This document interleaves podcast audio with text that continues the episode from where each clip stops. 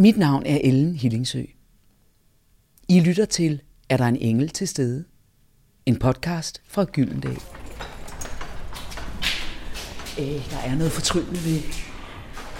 Øh, København har så mange skønne baggårde. Vi bør lige bevæge os ind fra en trafikeret, larmende, støjende gade ind i den yndigste baggård med roser og grønt græs. Og der sidder han oppe i vinduet. Ej, se ham. Tak, vi kommer.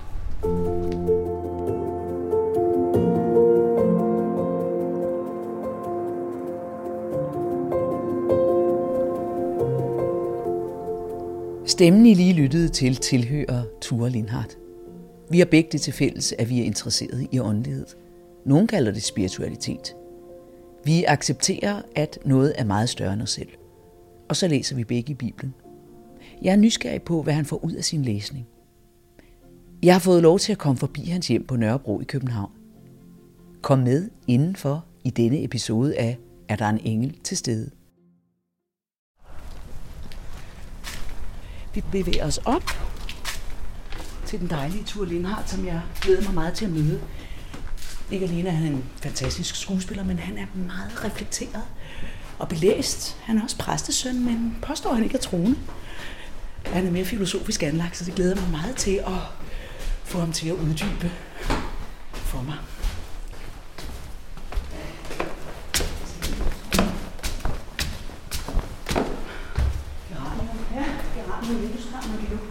Ture Lindhardt. Tak, så Ture. Tak. Oh. En oase. Er det dejligt? Ej, Ture bor i en anden verden. Skal vi ikke sætte os ud på alting? Jo. Nej, nej, nej. Botanikeren. Nej, har jo Ej, helt fuldstændig guddommeligt. Ja. Er det under? Og hvad, du, hvad kører du her? Krydderurter? føler jeg? Krydderurter. Ja. Masser af krydderurter? Ja. Rucola? Ja, og bønner. Det er. Grønkål. Har du et sted, du planter det ud til? Jeg har et sommerhus, hvor det kan komme ud. Så planter det her, det skal blive her. Det skal blive det. Ja, det skal blive her.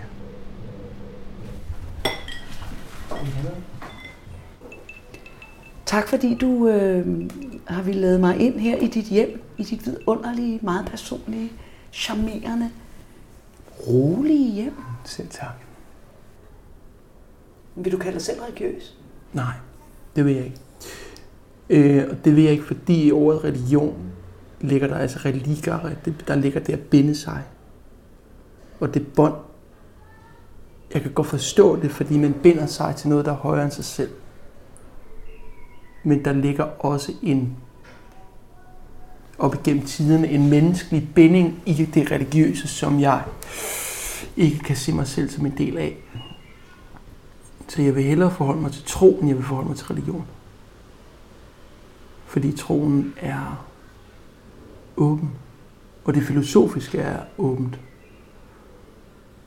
Hvor det ene kommer nemt til at sige sådan, og sådan er sandheden. Dogmatikkerne? Ja, Ja. Men kan du, hvis du definerer dig selv som troende, kan du folde det ud? ja, det kan jeg nok godt.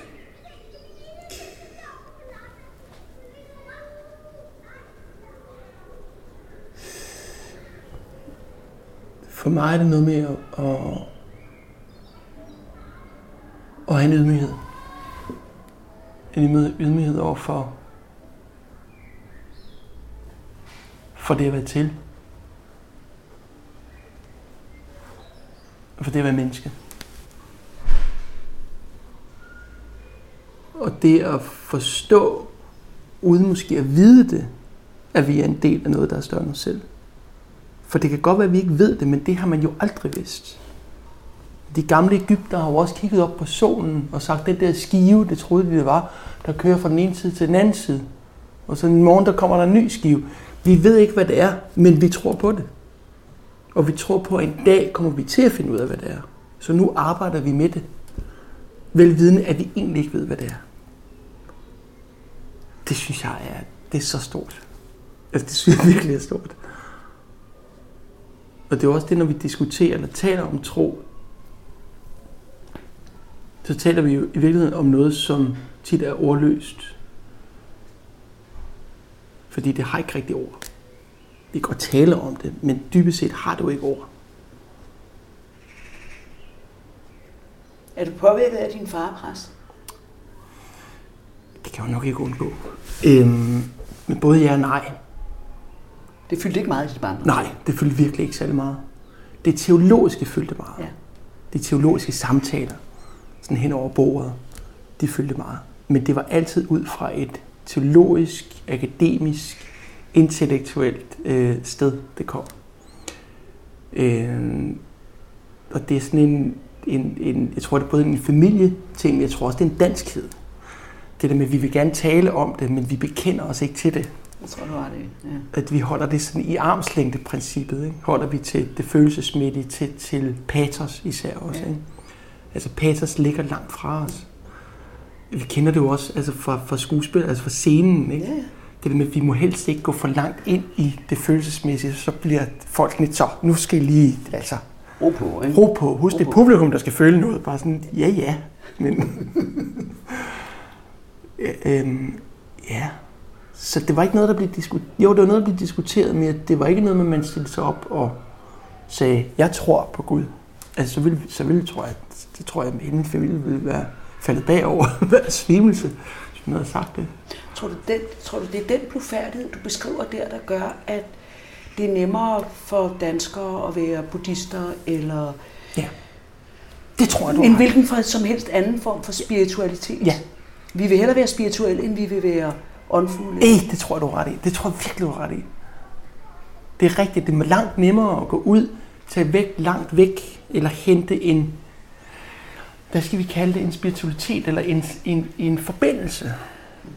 Og hente den forbindelse fra noget, der ligger langt fra os, end noget, der er helt tæt på. Vores barnetro. Det er nemmere for os, for mange af os, at tage til Thailand og sidde og sige, øh, Chante. øh, chante love og, og så videre på andre sprog. Fordi det andet, det kommer for tæt på. Vi kender også skuespillet, hvis vi spiller på andre sprog. Jeg skal altid oversætte det til dansk. Selvom jeg taler fint engelsk eller tysk, jeg skal altid oversætte det til dansk, for hvis jeg ikke gør det, så, for, så, så mangler jeg en forbindelse. Så kommer jeg nemt til at lyde som en parodi. Altså, lad os sige, jeg skal spille på engelsk. Ja, ja. Jeg kommer nemt til at, hvis jeg skal være amerikansk, så, well, sound a little bit too American. Ja, det, ja. er bare sådan, det er løgn. Det bliver en parodi, det bliver en kopi. Så hvad er det, du siger? At vi skal oversætte det? Jeg siger, at, øh, at jeg tror, at den der dybe intimitet til, lad os kalde det forbindelse eller åndelighed, den har også noget med vores barnetro og vores sprog at gøre. Det er virkelig bare det, tror jeg. Det tror jeg, du har meget ret i. Ja. Altså, det er jo også derfor, man hyggetuder hver gang, man hører øh, øh, øh, det danske sprog er vores moders stemme. Ja. Altså, jeg får simpelthen overfladespænding, må Ja, jeg det simpelthen sige, bare ved at sige det. ja, det gør jeg også. For det er jo så dybt forbundet. Når jeg siger det med religion, og, længe, og lænke sig, og binde sig, så fordi at det, du kan komme til at binde dig til dogmer og til gammeldags arkaiske tankeformer, som ikke længere øh, er reelle, eller som er misforstået. Et ord, der står i den danske tekst, tror jeg, der står tomhed. Alt er tomhed. Endeløs tomhed står der måske 50 gange. Det er jo meget sort og meget mørkt, at alt er tomhed. Starter en af de største filosofiske tekster nogensinde skrevet med alt er tomhed. Jeg tænkte, da jeg læste den, prædikernes bog, at der er noget, der ikke passer. Der er simpelthen noget, jeg kan ikke fornemme det. Du har så stor en tekst, der handler om liv og død. Det kan ikke passe, at alt skal være tomhed. Det, det, vil jeg, det, det, det er ikke rigtigt. Så jeg ringede til nogen, der var klogere end mig selv, min far. og så hører det her, hvad betyder det? Hvad står der i den hebraiske, den originale hebraiske tekst? Og han henviste mig så til en anden, som kunne forklare mig, at originalt stod der på hebraisk, var det, var det ordet vindpust. Så alt er, vindpu- alt er flygtigt. Det bliver så op, øh, oversat af Luther til ejtid, som er øh, forgængelighed, forfængelighed, som bliver til vanity hos King James, som blot så bliver til øh, for, forgængelighed eller forfængelighed på dansk, som så bliver til tomhed.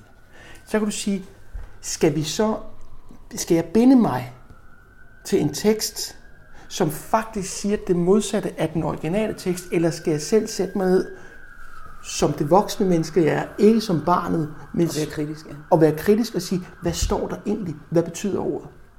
Når vi taler synd, og vi taler syndsforladelse, hvad betyder ordet synd? Ordet synd kommer af amatia på græsk, som betyder fejlgreb. Det vil sige, du begår et fejlgreb, hvad gør du så? Du øver dig, og du prøver igen. Længere er den ikke. Og det er jo smukt. Ja. Så jeg vil gerne binde mig, men jeg vil binde mig til det, der ligger bagved. Jeg vil ikke binde mig til, det er ikke ordet i sig selv. Det er det, der ligger bagved ordet.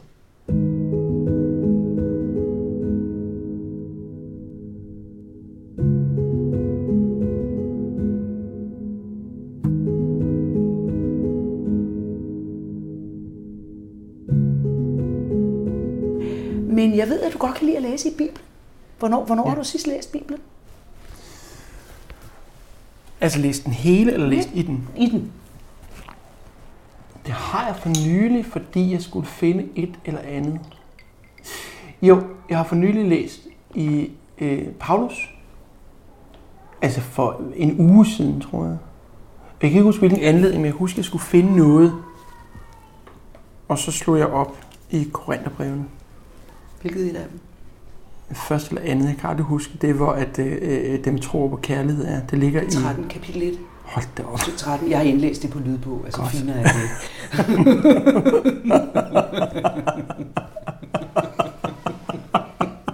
Det skulle jeg heller ikke have sagt. Det, det, Det skulle jeg ikke have sagt. Sige. Nej, jeg skulle ikke have sagt. Det er så godt, du siger det. Ja, det- Ellers havde jeg ikke fået sagt mere i dag. Skide godt. Godt. Det vil sige 1.13, det er Ja. rigtigt. Øhm, og der læste jeg, det er et af mine yndlingssteder. Det blev tit brugt til øh, bryllupper, øh, nogle også begravelser. Men det er sådan hele stykket er så stort. Og lige før og lige bagefter er der et stykke, der er lige så stort, som handler om, det var derfor, om åndens gaver. Det var faktisk det, jeg skulle slå op. Ja. For jeg skulle bruge det til en artikel, jeg skulle skrive. Øhm, og der øh, er det, det er yndlingssted og Det er det, der handler om... Det, jeg skulle skrive noget om, om det danske samfund. Til øh, en bog om kultur. Og det spurgte de mig sådan, jamen hvad er, hvad er vigtigst? Hvor ligger hovedansvaret? Ligger det hos øh, staten, eller hos individet, eller hos kunstneren? Jeg siger, jamen, det ligger jo ikke, der er ikke et hovedansvar. Det der er så vigtigt at forstå.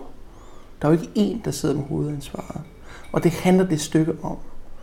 Han siger om åndens gaver, brødre, vil jeg ikke have, I skal være uvidende. Og så gennemgår han, øh, han er min yndlingsfilosof, så gennemgår han, hvordan øret, jeg kan huske det ordret, siger øjet, jeg er ikke øre, altså hører jeg ikke med til kroppen. Og øret, jeg er ikke øje. Det vil sige, vi ved, at vi hører til, og vi har den funktion, vi har. Men jeg skal ikke være fod, eller jeg skal ikke være alle mulige andre ting, end jeg er. Men det, jeg gør, har værdi og funktion. Og dermed har det, alle andre også gør, også værdi og funktion. Du kalder ham filosof? Ja, det gør jeg. Det gør jeg faktisk. Det gør jeg, fordi jeg ved godt, at kirken nok ikke vil kalde ham filosof. Men fordi filosofi har kærligheden til visdom, det er det, det betyder. Og jeg synes, det er det, der er det store og det smukke ved ham, og ved de budskaber, han kommer med. Han er en meget forkætret person, ikke? Jo, Altså dybt forkætret. Jo. Øhm, han har været et menneske. Og han har været et menneske af sin tid. Han har røvet rundt for 2.000 år siden til fods. Måske på en båd en gang imellem. Og forkyndt og prædiket. Og han har været klart været et menneske af sin tid. Af sin kultur. Øh, gammeldags, patriarkalsk, fjols, Sexist. sexistisk fjols. Der er, altså, det er der ingen tvivl om. Men der er også en anden side. Og det er de eviggyldige budskaber, som han har forkyndt. Og der synes jeg, det er op til hver generation at fortolke og forholde sig til religion, til myter, til tro. Og der har vi selv et ansvar for det.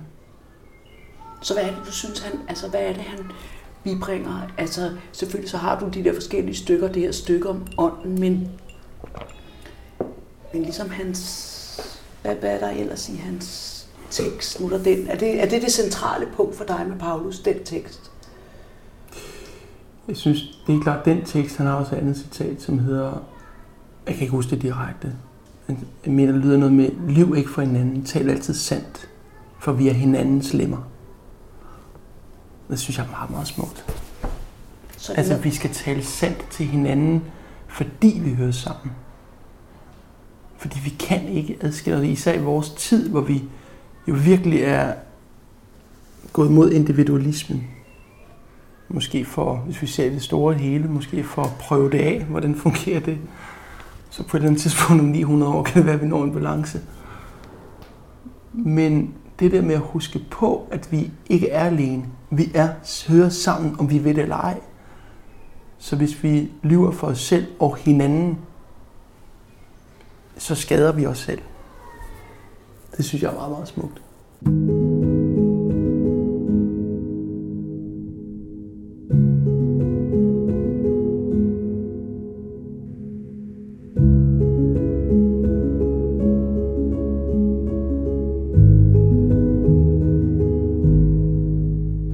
nogensinde set en engel?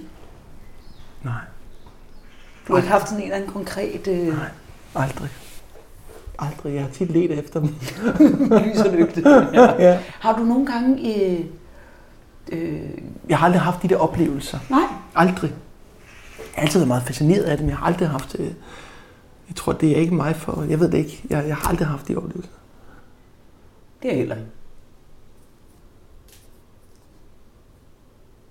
Har du oplevet det, når du, øh, når du har arbejdet?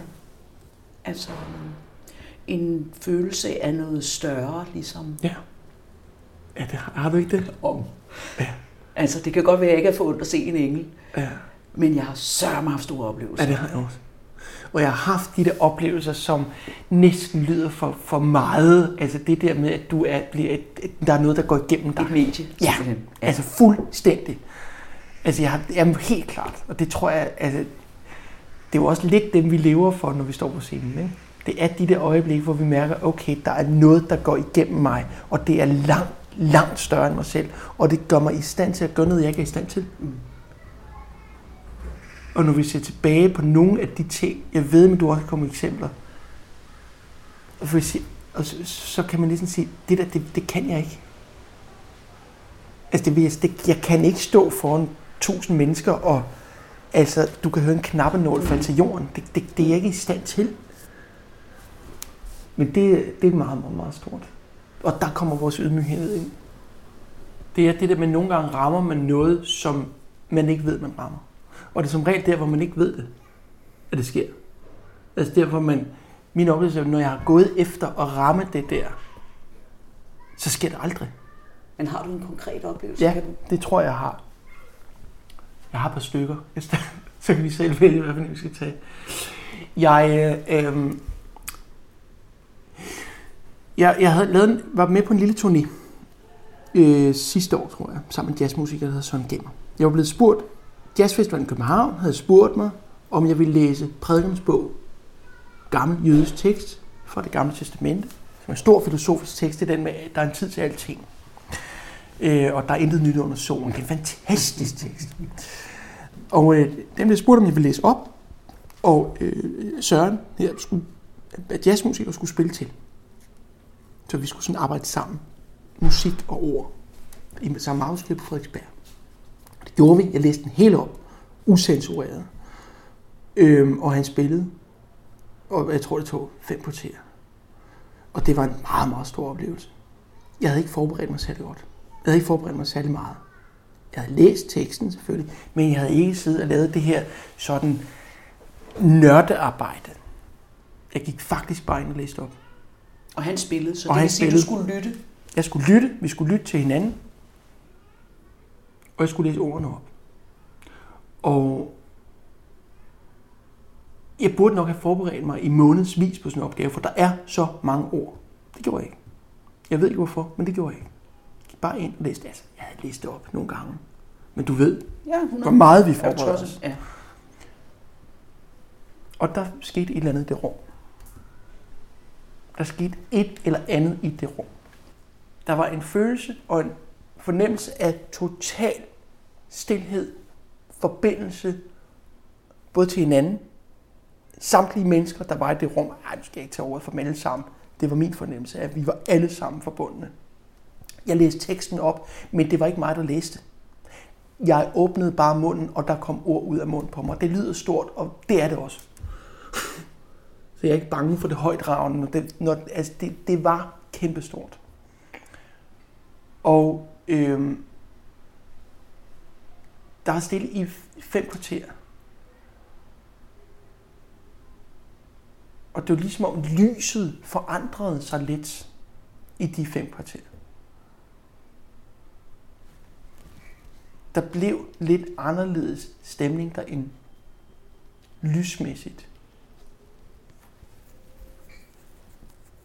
Og bagefter så, øh, så kunne man se, at nu er det slut. Så blev det så normalt igen.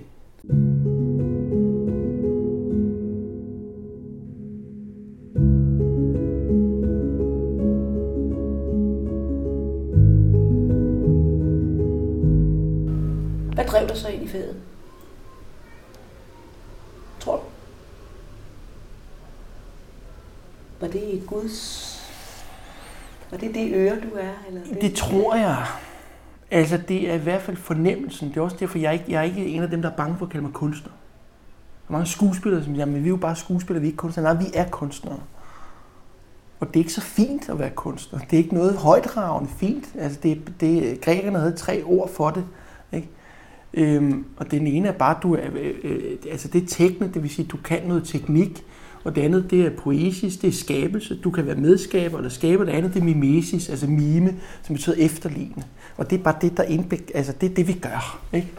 Det synes jeg er så fint, det er så konkret i virkeligheden. Øh, og derfor er jeg ikke bange for at kalde mig kunstner. Det synes jeg ikke, vi skal være. Øhm, men det er et ønske. Det er et ønske om at formidle nogle sandheder.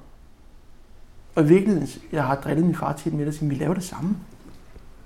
Vi stiller os, jeg stiller mig også op for andre mennesker. Og så forkynder jeg sandheder, eller er et medie for sandheder, som handler om de eviggyldige menneskelige temaer. Moral, dyd, sandhed, tro, håb, kærlighed, elskov, farezone, kend dig selv og alt med måde. Det er jo, at det er, jamen, altså, det er da en fantastisk måde at bruge sit liv på. Og hvis du så også kan lære noget af det selv. Jeg tror, det var vores kollega Gisa, Gisa Nørby, som sagde, at en, en, en sand skuespiller kan ikke spille en stor, vigtig rolle uden selv at forandres af den. Og det har jeg taget til mig. For det, vi ved det jo godt. Eller, nu vil jeg hellere spørge dig, at, har du det ikke også sådan? Jeg er med dig. Altså, Men er det ikke rigtigt? man, nu kan man ikke se gåsehud på armene på radioen, men altså, det, jeg er helt enig. Jamen, de der Det roller, det da. ja, det gør det. Det er det, det kræver. Altså, de roller, der forandrer vores sind og vores måde at tænke på, vores måde at anskue livet på. Det er jo fantastisk, når det sker. Altså, det, så på den måde er det jo selvudvikling. Jeg synes, selvudvikling er en frynsegod. Jeg synes, det er en smuk frynsegod. Vi skal gøre arbejdet for arbejdets skyld. Men får vi noget selvudviklende med os, så er det kun vidunderligt. Men det må ikke være grund til, at vi gør det. Så bliver det faktisk for mig privat. Det skal jeg gøre et andet sted. Så bliver det, det er en terapeutisk forløb, som det, det, det skal et andet sted hen. Et privat rum. Det er privat. Ja. Det er hjemme privat. Det, det er hjemme privat. Det er hjemme hos Okay. Hjemme hos tante terapeut. Ja.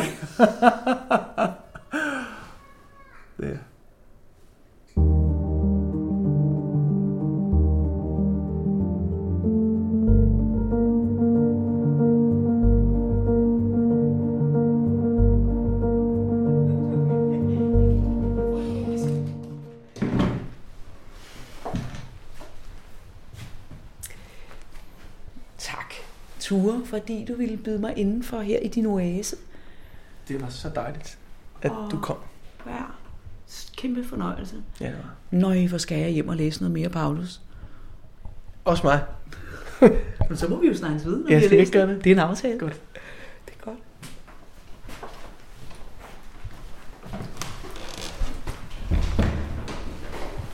Nu går jeg forbi Tures Geranium, der dufter helt vidunderligt. Kan varmt anbefales. Mm. Sikke en inspirerende samtale med et vanvittigt reflekteret øh, og dejligt menneske. Og jeg vil sige noget af det, jeg tager med mig, det er, at vi hele tiden skal holde os vågne. Vi skal være voksne og holde os vågne.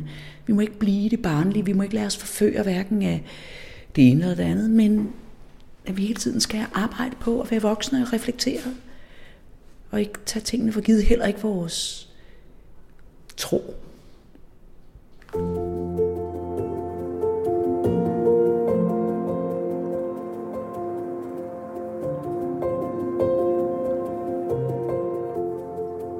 Ture har ikke set engle, men han tror på, at vi alle sammen er en del af noget større. Netop det kan jeg spejle mig i. I Tures refleksioner og i hans læsning af Paulus. Mødet var personligt. Et møde med en kær og god kollega. Et møde med et menneske, som jeg deler tanker med. Min, men min nysgerrighed er ikke blevet mindre. Jeg er på en rejse, som nærmest først lige er begyndt. For hvor kommer min egen nysgerrighed fra? Har jeg den hjemmefra? Det har jeg nok. I næste episode kan I møde min far. Han hedder Kjeld. Lyt med i, er der en engel til stede. Mit navn er Ellen Hillingsø, og I har netop lyttet til et afsnit af Er der en engel til stede? En podcastserie fra Gyldendal.